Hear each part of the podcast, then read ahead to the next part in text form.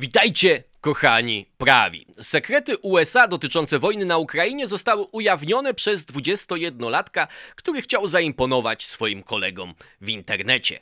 Jakie wnioski płyną z tej wpadki i czy zagraża ona wysiłkowi wojennemu Ukrainy? O tym wszystkim dzisiaj, a to są kroniki szalonej Ameryki. Okej, okay, witajcie po raz kolejny na kanale. Trochę mnie nie było, ale oczywiście nikt nie pytał, panie Korzuszku. Co się stało? Czy panu nic nie jest? Czy przypadkiem na przykład dwa tomy historii filozofii średniowiecznej panu nie spadły na głowę? Nic się nie stało, uspokajam was, nie spadło mi nic na głowę, chociaż taka sytuacja miała miejsce kiedyś, ale wtedy byłem młody i potrzebowałem pieniędzy. Skoro jesteśmy przy filozofii, to dobrze zacząć od takiej maksymy. Wiele osób uważa, że jak się studiuje filozofię, tak jak ja miałem szansę to robić, to potem człowiek jest wyposażony w wiele takich krótkich aforyzmów, sentencji, mądrości na całe życie, dzięki czemu jest mądry i może imponować ludziom na wystawnych i suto zakrapianych kolacjach. W moim przypadku tak się raczej nie stało, ale jedną mądrość, kilka mądrości e, zapamiętałem. Jedną z moich ulubionych mądrości to jest zdanie Ludwika Wittgensteina, że czasem ważniejsze jest to, niż to, co dane zdanie mówi, Ważniejsze jest to, na co ono wskazuje. Możemy to sparafrazować w tym przypadku i to się świetnie odnosi do tej sprawy. Ważniejsze jest to, co, na co wskazują te wycieki, całe to zjawisko i konsekwencje tego, niż sama ich treść. Ale, żeby żebyście zrozumieli o co mi chodzi, najpierw powiedzmy, co to, jak to się mówi, się stanęło. Wyciekło około 60 tajnych dokumentów, to oczywiście zależy jak liczyć, czy pojedyncze strony, no to wtedy będzie tego więcej, ale samych dokumentów wyciekło około 60. E, dzisiaj wiemy, że sprawcą tego głównym wycieku jest 21-letni pan Jack Teixeira, który sprawuje, czy, czy ma stopień Airman First Class. To jest trzeci stopień w Gwardii Narodowej w siłach powietrznych, czyli nie wiem, czy to można na polski przełożyć jako e, odpowiednik kaprala w siłach lądowych, nie znam się na tym za bardzo, więc nie będę się tutaj mądrzył, ale jest to w każdym razie trzeci stopień od najniższego. On służył w 102 jednostce mm, wywiadu, czyli to nie była taka jednostka, która się zajmowała tylko jakimś treningiem i tak jak, nie wiem, Wojska Obrony Terytorialnej, oczywiście bardzo są ważne Wojska Obrony Terytorialnej, ale czasem można mieć takie wrażenie, że to było takie, taka zwykła Gwardia Narodowa. Ona miała istotne e, zadania, On był e, powołany, zmobilizowany do aktywnej służby od roku i ta, ta jednostka zajmuje się agregowaniem, analizowaniem danych wywiadowczych. Czyli to nie jest tak, że ktoś, kto nie wiem, normalnie zajmuje się układaniem worków z piasku i zapobieganiem powodziom e, gdzieś, nie wiem, na Florydzie, nagle ma dostęp do wszystkich materiałów. Ten dostęp był zbyt szeroki, jest szokujący, jaki on miał ten dostęp, ale nie jest to tak zupełnie e, od czapy. E, on miał takie stanowisko, które się nazywa Cyber Transport System Journeyman czyli zajmował się wsparciem technicznym, mówiąc w, w, skrócie. Oczywiście ktoś, żartują niektórzy komentatorzy amerykańscy, że tak naprawdę dbał o to, żeby Wi-Fi dobrze działało na terenie bazy, no ale jego obowiązki były szersze, no bo zajmował się też właśnie tymi systemami zabezpieczonymi. Jak to się odbywało? Teixeira był, można powiedzieć, głową takiej tajnego stowarzyszenia złożonego głównie z nastolatków, które spotykało się na Discordzie. Discord to jest takie medium społecznościowe, głównie e, używane przez gamerów, jak jakiś też na przykład youtuber, który robi streamy albo na Twitchu, to często ma swój taki fanpage, nie wiem jak to takie zamknięte lub otwarte forum, na którym dzieli się ze swoimi fanami różnymi swoimi przemyśleniami. E, I tam początkowo on zamieszcza przepisaną treść tychże dokumentów tajnych, do których w ogóle e, ma dostęp. Natomiast w pewnym momencie, jak mówi o tym, ponieważ z członkami tej grupy, których większość był, to byli dużo ludzie młodsi albo młodsi od tego, jeszcze przed 18 rokiem życia, niepełnoletni, e, że on w pewnym momencie się na nich wkurza i mówi: Jak wy nie doceniacie tego, do, do, co ja tutaj wam pokazuję, e, to ja przestanę w ogóle zamieszczać te streszczenia, czy też przepisane, y, przepisaną treść tych dokumentów, bo jak piszę jemu, to zajmuje mnóstwo czasu, przez co nie ma czasu na swoją zwykłą pracę i, i tak dalej, i nagranie w gry. I wtedy, jak się wkurza na nich, to następuje taki przełom i zaczyna zamieszczać zdjęcia dokumentów tajnych, które zostają przez niego najprawdopodobniej wydrukowane. Widać na tych zdjęciach, jak sobie obejrzycie te zdjęcia, one są w większości złożone na czworo. Zwykle na tych zdjęciach, oprócz tego dokumentu, widać też wiele szczegółów, takie jakieś tam, nie wiem, nóż myśliwski. E, New York Times przeprowadził śledztwo na, to, na podstawie wzoru takiego marmurowego blatu, który było widać. W każdym razie, no nie było to najmądrzejsze z jego strony. Można było zidentyfikować za pomocą tych, e, tych szczegółów pewnie tożsamość tego autora, co ostatecznie zrobiono. Najpierw chyba w ogóle dotarli do tego e, dziennikarze. Jak powiedział jeden z członków tej grupy, Washington Post, wśród członków tej grupy byli także ludzie z zagranicy. Byli podobno tam także Rosjanie i Ukraińcy, nie wiem w jakiej ilości, którzy byli tym zainteresowani. Jaka była motywacja Jacques'a Teixeira, to też jest rzecz, jest to rzecz, rzecz niebywała w pewnym sensie i bezprecedensowa, że wydaje się, że pomimo, że on, jak mówią członkowie tej grupy i co można wyczytać z tego serweru na Discordzie, on miał pewne takie motywacje, że uważał, że rząd jest w pewnym sensie ukrywa przed obywatelami prawdę, czyli taką charakterystyczną motywację dla whistleblowerów od tych, którzy byli odpowiedzialni za Pentagon Papers podczas wojny w Wietnamie, po Edwarda Snowdena, że opinia publiczna powinna poznać, to wydaje się, że jednak jego główna motywacja była taka, bym powiedział, nastoletnia, żeby zaimponować swoim kolegom. Wy nie wiecie, do czego ja mam dostęp. I jak to by powiedział Tomasz Hajto, to jest absolutne ABC zamkniętych, elitarnych grup, że musi być jakaś wiedza ezoteryczna, która jest dostępna tylko dla tych. I ponieważ on był dysponentem tej wiedzy, to zarazem nosił ten przydomek OG, czyli Original Gangster, bo tu tam była jakaś estetyka też związana z gangsterapem, który ja, znaczy w sensie rozumiem, co to jest gangsterap i kiedyś się nim bardzo interesowałem, ale w każdym razie używali takich sformułowań i OG oczywiście był tej grupy szefem, no a jego, bym powiedzieli, byśmy powiedzieli, drabiną do tego szefostwa tej grupy wirtualnej było właśnie to, że miał dostęp do tych informacji tajnych, z którymi się dzielił.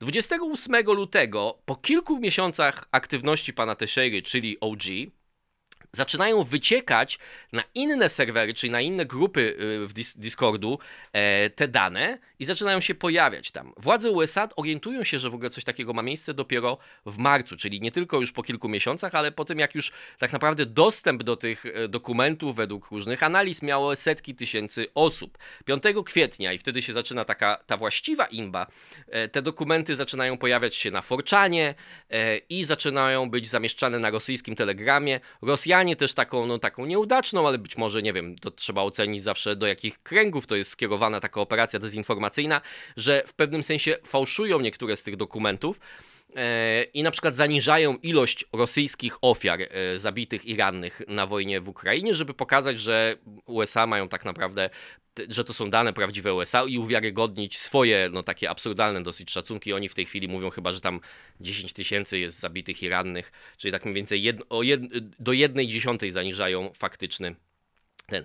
Oczywiście autentyczność tych dokumentów, ponieważ no my znamy tą historię, ona bardzo mocno uprawdopodobnia autentyczność tych dokumentów, e, ale ciągle moim zdaniem należy pozostawić pewne mm, takie pole do domysłów, chociaż oczywiście moja, e, moje założenia są zawsze tam, że jeżeli coś można e, wytłumaczyć zwykłą głupotą i też takimi cechami charakteru, które każdy z nas posiada, chęcią zdobycia podziwu, akceptacji i tak dalej, to zwykle to jest lepsze wytłumaczenie niż jakaś zła złożona teoria, nie chcę powiedzieć spiskowa, ale działalności jakichś służb. Ale takie rzeczy się działy, to znaczy były, prawda, fałszywe flagi, słynna operacja z e, dokumentami znalezionymi, e, jak Anglicy czy też Brytyjczycy przeprowadzili operację w sprawie lądowania e, na Sycylii, prawda, wzięli jakiegoś utopionego bezdomnego, jego wyposażyli w dokumenty, które miały świadczyć o tym, że jest planowana operacja jednak na Sardynię ten bezdomny wypłynął w Hiszpanii bodajże. Hiszpanie się podzielili z tym z Niemcami e, i Włochami. E, no i e, w pewnym sensie została ta operacja dezinformacji. Możliwe jest na przykład takie, i to, to jest jedna z takich, z tych mniej prawdopodobnych scenariuszy, mi się wydaje, jeden z bardziej prawdopodobnych, jakkolwiek sprzecznie to brzmi. Znaczy ciągle uważam, że to proste wytłumaczenie i zarazem dziwne, to znaczy, że ktoś po prostu wielkie sekrety USA ujawnił dlatego, że chciał zaimponować grupie nastolatków na Discordzie, no to z tych mniej prawdopodobnych wytłumaczeń, jednym z najbardziej prawdopodobnych, możliwych jest taka sytuacja, moim zdaniem, w której Stany Zjednoczone, czy służby Stanów Zjednoczonych orientują się w pewnym momencie, że on to robi i zaczynają mu podsuwać informacje, które są no, w pewnym sensie spreparowane i mają służyć temu ostatecznie, że dezinformacja. Tylko, że to skala prawdopodobieństwa takiego scenariusza ciągle wydaje mi się jest dosyć mała, dlatego że znowu jego dostęp wygląda na to, że był dość szeroki.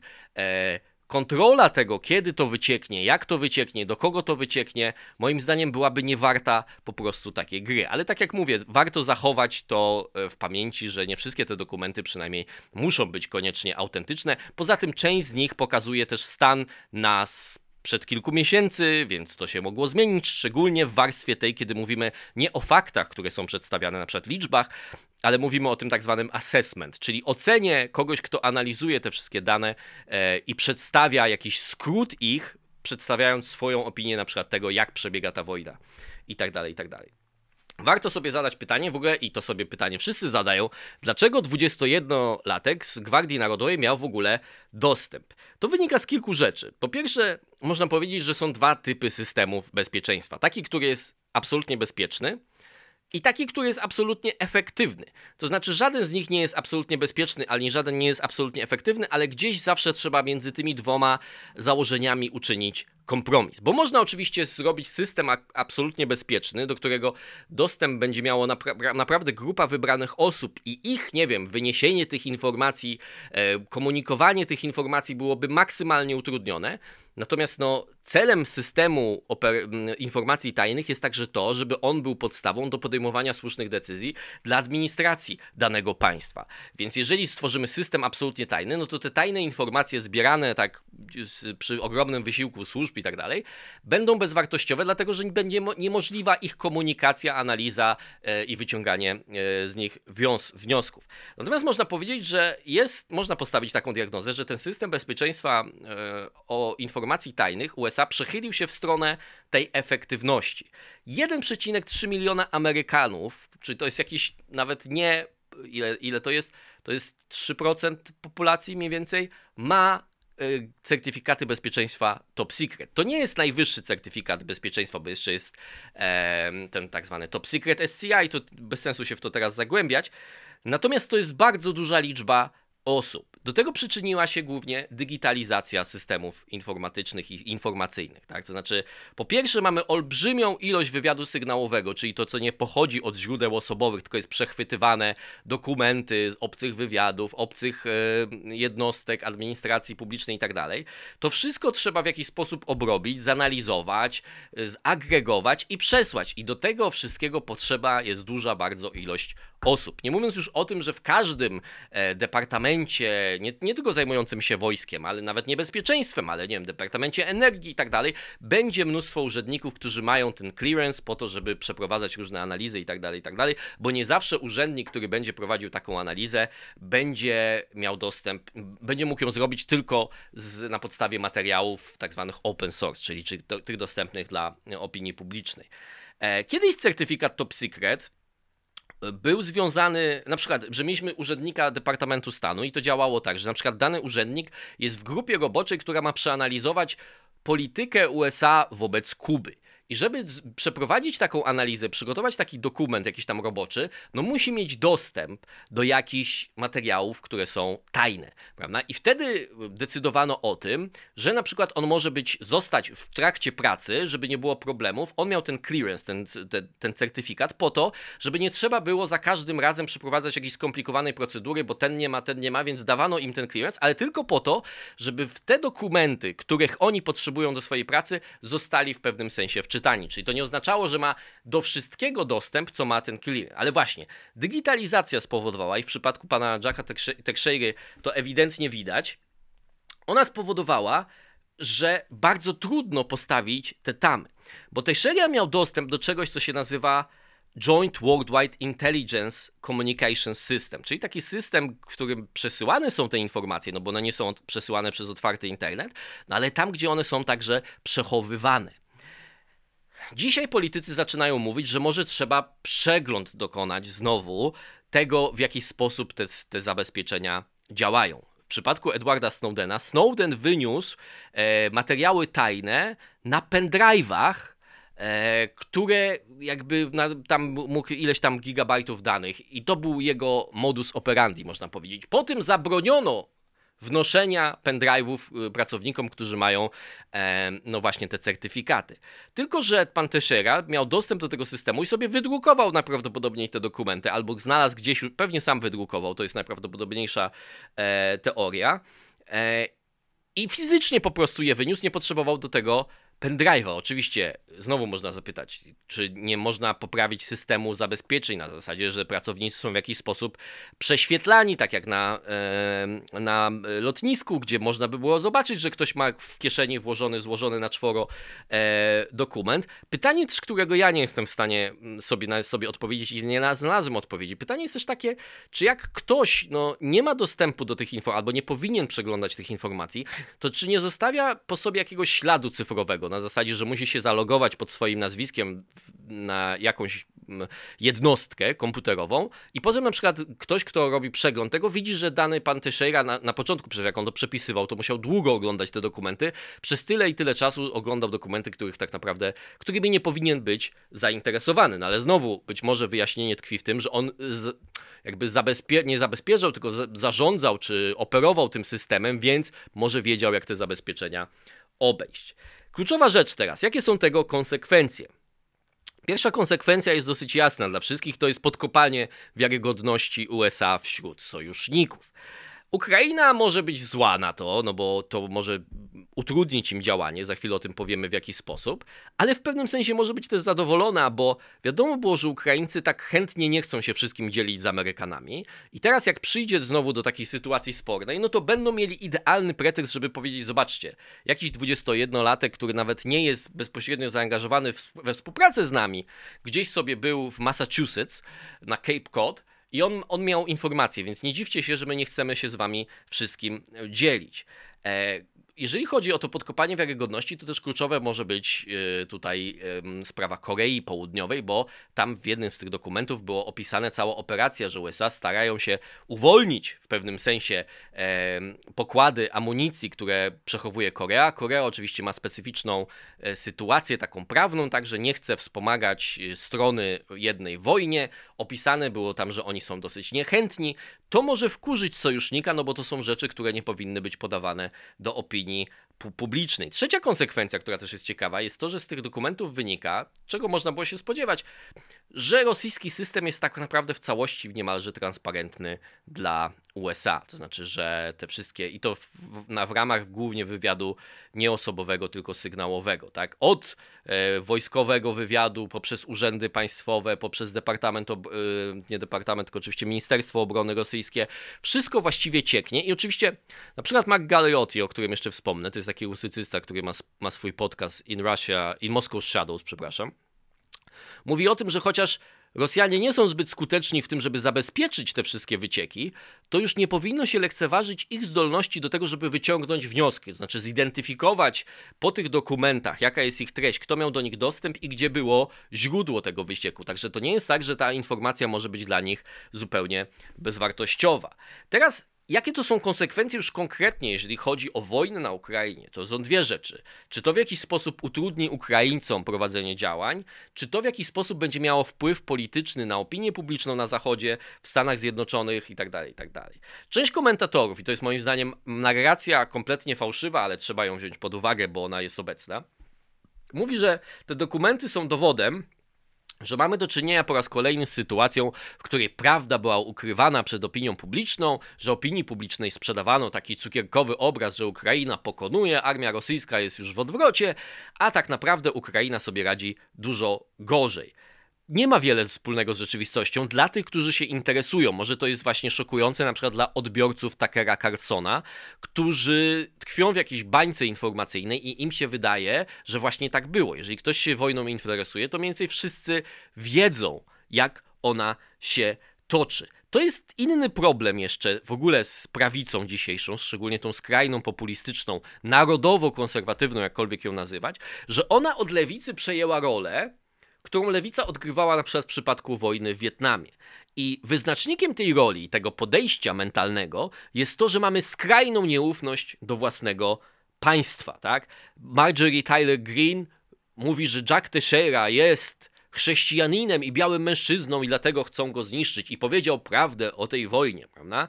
E, I to jest bardzo dziwne, a zarazem nie jest zaskakujące, bo to jest element, można powiedzieć, tego co widzieliśmy, tak? Brak y, y, zaufania do różnych procedur, co widzieliśmy w roku 2020 po stronie Trumpa, brak zaufania do urzędów, do instytucji, deep state, prawda, i tak dalej, te wszystkie opowieści, ale tutaj jest jeszcze coś głębszego moim zdaniem.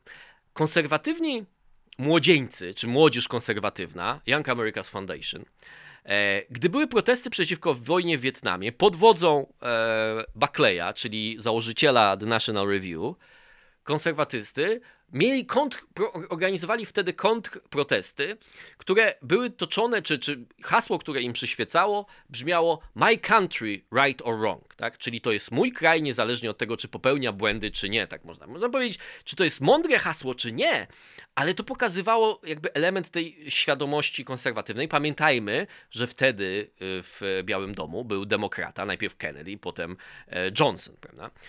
Chodziło o to, że granice w sporze politycznym wewnętrznym stawiamy tam, gdzie ktoś zaczyna sprzyjać wrogom naszego kraju, czyli na przykład jest młodzież, która powiewa flagami Wietkongu, albo mówi, że Ho Chi Minh jest lepszy od mojego prezydenta i tak dalej, i tak. To jest taka podstawowa, mo można powiedzieć, lojalność. I tutaj mamy złamanie w pewnym sensie tego, to znaczy, że niezależnie od tego, co uważamy na temat wojny na Ukrainie, działania pana Jacka Teixeiry, który może być które może być korzystne dla Rosji, która jest naszym, jeżeli nie wrogiem, to przynajmniej bardzo poważnym geopolitycznym rywalem, powinno być poza granicami naszej konserwatywnej tolerancji. Ale to się zmienia, dlatego że zmienia się też charakter patriotyzmu e, po prawej stronie, można powiedzieć. I ten patriotyzm coraz bardziej zaczyna przypominać tożsamość plemienną taką, tak? To znaczy, że rzeczywiście, jeżeli powiewamy amerykańską flagą, jeżeli na wiecach Trumpa e, zaczyna się zawsze I'm proud to be an American, prawda?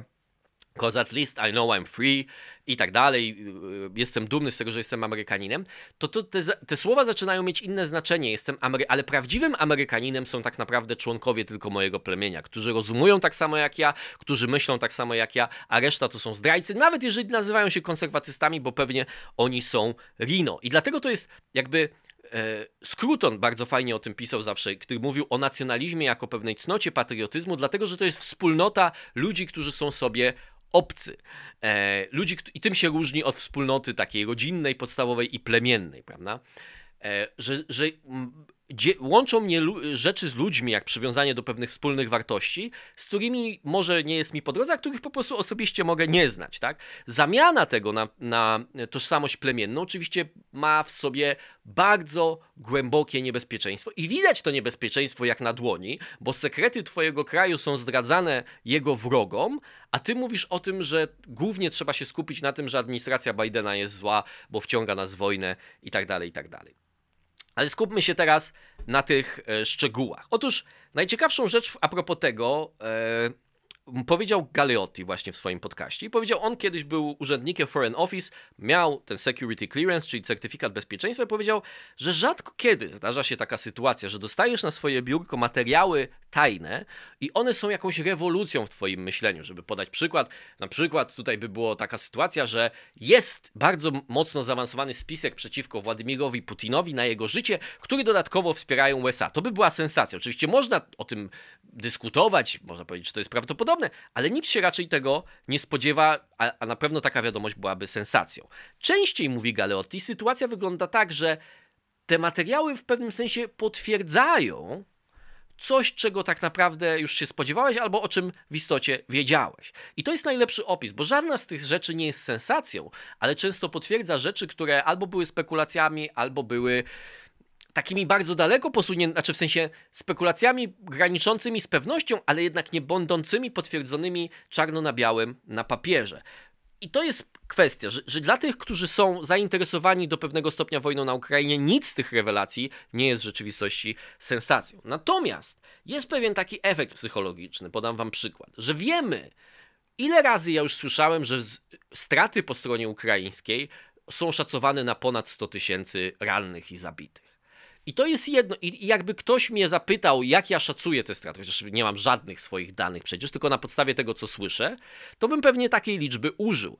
Ale w dokumencie mamy czarno na białym napisane, że to jest 120 tysięcy mniej więcej rannych i zabitych. W którymś tam momencie e, wojny dosyć niedawnym, prawda? I to jest, jakby jest pewien taki efekt psychologiczny, że to się potwierdza, że my unikamy, mówimy, że takie są szacunki, ale być może jest lepiej. Gdy to się potwierdza w ten sposób, może być pewien efekt psychologiczny, e, którego warto nie lekceważyć, czy nie warto go lekceważyć. E, I, z innymi informacjami jest podobnie, że o braku amunicji wszyscy mówią cały czas. O braku amunicji rakiet do systemów przeciwpowietrznych Także wszyscy mówią cały czas. Ja pamiętam Michaela Kaufmana, jednego z najlepszych ekspertów w tej chwili od armii rosyjskiej, który mówił cały trzy miesiące temu mówił, że Ukrainę może czekać bardzo trudny wybór, czy zabezpiecza linię frontu, po to, żeby Rosjanie nie mogli używać swojego lotnictwa mm, do, do operacji w powietrzu, e, czy zabezpiecza krytyczną infrastrukturę miasta, cywilów itd., tak itd. Tak Jeżeli ten wybór na przykład będzie zbyt trudny i, i, i zdecydują się na zabezpieczenie krytycznej infrastruktury, no to może się okazać, że na linii frontu zacznie odgrywać większą rolę rosyjskie e, lotnictwo. Natomiast tu znowu jest pewien konkret, tak, że braki amunicji mogą się, szczególnie tej do sowieckich systemów, mogą się uwidocznić w połowie maja. Rosja może osiągnąć panowanie w powietrzu, to jest taka już ocena. E, liczba niechronionych lokalizacji w tym czasie krytycznych wzrośnie wówczas z 6 do 40. To jest liczba, która na pewno robi wrażenie. Następną rzeczą, którą ujawniają te dokumenty, to jest ta kwestia operatorów służb specjalnych na Ukrainie. Tak robi z tego sensację, mówiąc o tym oczywiście, że administracja ukrywa przed nami fakt, że USA walczą w tej wojnie i że za chwilę dojdzie do konfliktu nuklearnego i to jest wielka sensacja. Natomiast to w ogóle nie jest sensacja. Zabezpieczają te służby ambasadzie. Nie ma żadnych dowodów ani żadnych przesłanek w tych dokumentach, że one uczestniczą w walce Wręcz bym powiedział tak, jeżeli jest krytyka Bidena słuszna, no to jest właśnie za to, że wycofał wszystkich e, amerykańskich żołnierzy z Ukrainy. Tego na przykład nie zrobiono podczas inwazji na Gruzję w 2008 roku, o czym mówi e, w wywiadzie ze mną, e, który się ukaże w środę, czyli jutro, Georgi mm, Baramidze, minister obrony w rządzie Saakaszwili, znaczy no, nie w rządzie Saakaszwilego, ale, ale w czasie, gdy Saakaszwili był prezydentem i że to był jeden z elementów odstraszania, ale jakby fakt, że są w ambasadzie, o czym zresztą Pentagon sam poinformował w listopadzie 2022 roku, operatorzy e, sił specjalnych nie jest w ogóle żadnym zaskoczeniem, no bo chyba trzeba być niezmiernie naiwnym, żeby zakładać, że była wizyta Bidena niezapowiedziana, owszem, gdzie nie było żadnych, e, żadnych no jak to się mówi, aktywów, nazwijmy to amerykańskich e, w Kijowie, tak?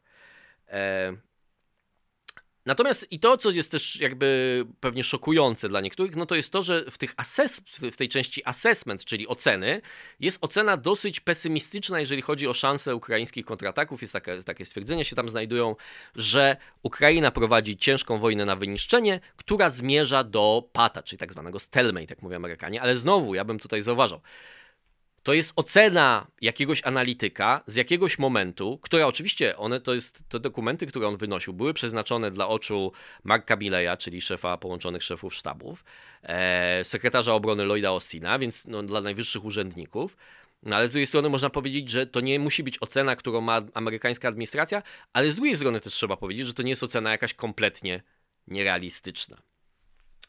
Wnioski ostateczne są z tego też takie, moim zdaniem głębsze. I do, tutaj przechodzimy do tego opowiedzenia e, sparafrazowanego przeze mnie Wittgensteina, że czasem ważniejsze jest to, co dokumenty, niż to, co dokumenty mówią, jest ważniejsze to, na co to w ogóle zjawisko wskazuje. Pierwsza rzecz, o której już powiedziałem, nie będę jeszcze raz się powtarzał, to jest ten problem amerykańskiej prawicy, który moim zdaniem jest problemem głębokim, bo Dlatego też, że ta prawica jest po prostu podzielona na dwoje i to nie jest tak, że mamy tak jak na lewicy trochę, że mamy centrolewicę i skrajną lewicę. Tutaj mamy tak naprawdę tych, którzy krytykują Bidena za to, że w ogóle cokolwiek jest w Ukrainie i tych, którzy krytykują Bidena, tradycyjnych republikańskich jastrzębi, którzy mówią, że Biden robi za mało. W moim, moim zdaniem słusznie krytykują w wielu momentach. Więc mamy do czynienia z podziałem, który jest tak naprawdę bardzo daleki od jakiegoś kompromisu i wyważenia tych dwóch racji. Natomiast mamy też takie wnioski, moim zdaniem, płynące z kultury. Od wielu od dłuższego czasu ja się nad tym zastanawiam, czytam o tym trochę, ale o tym też się mówi, jest mnóstwo esejów, można te efekty tego są widoczne, nie wiem, na serwisach społecznościowych, różnych takich zjawiskach popkulturowych, jak ten słynny Red Pill, czy na przykład popularność Jordana Petersona. To znaczy, że mamy problem z młodymi mężczyznami generalnie w naszej e, kulturze, a szczególnie w Stanach Zjednoczonych to jest widoczne. Bo to jest jedną z rzeczy, która jest zaskakująca. Dlaczego człowiek, który dostaje taką ważną funkcję, dostaje ten certyfikat bezpieczeństwa, jest częścią, co prawda, nie regularnej armii, ale regularnej służby w Gwardii Narodowej, potrzebuje tej walidacji, potrzebuje tego, tej akceptacji, tego dowartościowania i szuka go w grupie nastolatków. Prawda? Dlaczego wydaje się, że zagubionym mężczyznom siły zbrojne danego kraju zawsze dawały jakąś strukturę, poczucie miejsca, bycie częścią czegoś większego, poczucie lojalności, jakiegoś braterstwa. I coś się stało. Oczywiście ta grupa powstała podczas pandemii. Oni też jakby radzili sobie w ten sposób ze swoją samotnością, ale moim zdaniem to jest bardzo taki dziwny sygnał. I właśnie on mówi także na temat tego etosu amerykańskich sił zbrojnych, że być może dzieje się z nim coś złego. Oczywiście ja zawsze jestem daleki od tego, żeby powiedzieć na podstawie kilku anegdot o tym, że żołnierze mają kursy z ideologii trans i tych innych rzeczy, że amerykańska armia jest w stanie rozpadu, bo ona pokazuje swoją skuteczność w wielu aspektach e, i, i, widzimy, jak ta silna, niby konserwatywna, męska, prawda, armia dowodzona przez Putina się sprawdzała. Więc trzeba zawsze brać z z pewną jak to się mówi, grudką soli. Nie ma po polsku takiego, no, no z pewną zabezpieczeniem przed hura takim iściem w, w katastroficzne hipotezy, o tak byśmy powiedzieli, tak? Natomiast jest pewien problem, moim zdaniem, z upadkiem tego wojskowego etosu. Armia amerykańska ma problem, czyli jedna z gałęzi sił zbrojnych Stanów Zjednoczonych, żeby zapełnić swoje szeregi rekrutami, którzy oczywiście muszą być dobrowolni. Ale problem nie polega tylko na tym, że się ludzie młodzi nie zgłaszają do tej armii, ale te, polega też na tym, że 77% z nastolatków nie spełnia podstawowych, już nie mówię o siłach specjalnych Navy SEAL czy coś takiego, podstawowych wymogów dla rekrutów fizycznych po prostu, albo są otyli, albo mają inne problemy e, ze zdrowiem. I to jest, to jest problem, prawda? No i też jest problem trzeci, e, nad którym też warto się gdzieś zastanowić, czy nie mamy do czynienia jednak z taką drzemką pewną Ameryki, tak? Bo i, i, i to też poruszają, że w Tablet Magazine ostatnio była, był taki esej, który mówił właśnie o tym, dlaczego wszystko przestało działać, dlaczego systemy, które powinny zabezpieczać, nagle się okazują, że nie działają. I to widać chociażby w tym, że Joe Biden czy Donald Trump trzymają w swoim garażu albo w jakimś swoim gabinecie tajne dokumenty, że tak do końca sami nie wiedzą, co to są za tajne dokumenty. I to jest też widoczne w tym przypadku Jacka Teixery, że jest taka lekkomyślność, brak świadomości tego, o co właściwie toczy się gra. I ta drzemka właśnie też polega trochę chyba na tym, że tak jakby, i to musiało być szokiem ogromnym dla Ukrainy, że w Stanach Zjednoczonych, pomimo że Stany Zjednoczone nie uczestniczą bezpośrednio w tym konflikcie, to z drugiej strony no, mają istotną stawkę w tym konflikcie.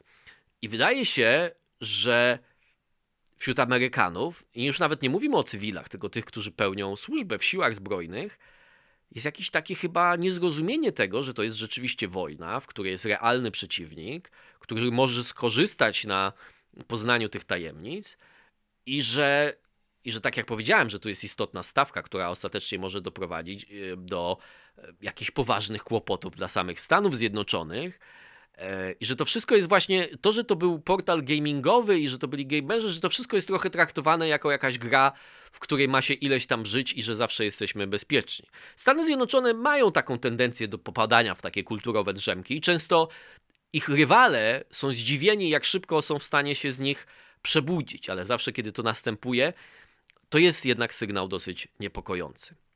Dobrze, na tym skończymy. Do zobaczenia wkrótce. Przepraszam za moją troszeczkę dłuższą nieobecność, ale były święta i inne rzeczy. Was pozdrawiam serdecznie i do zobaczenia.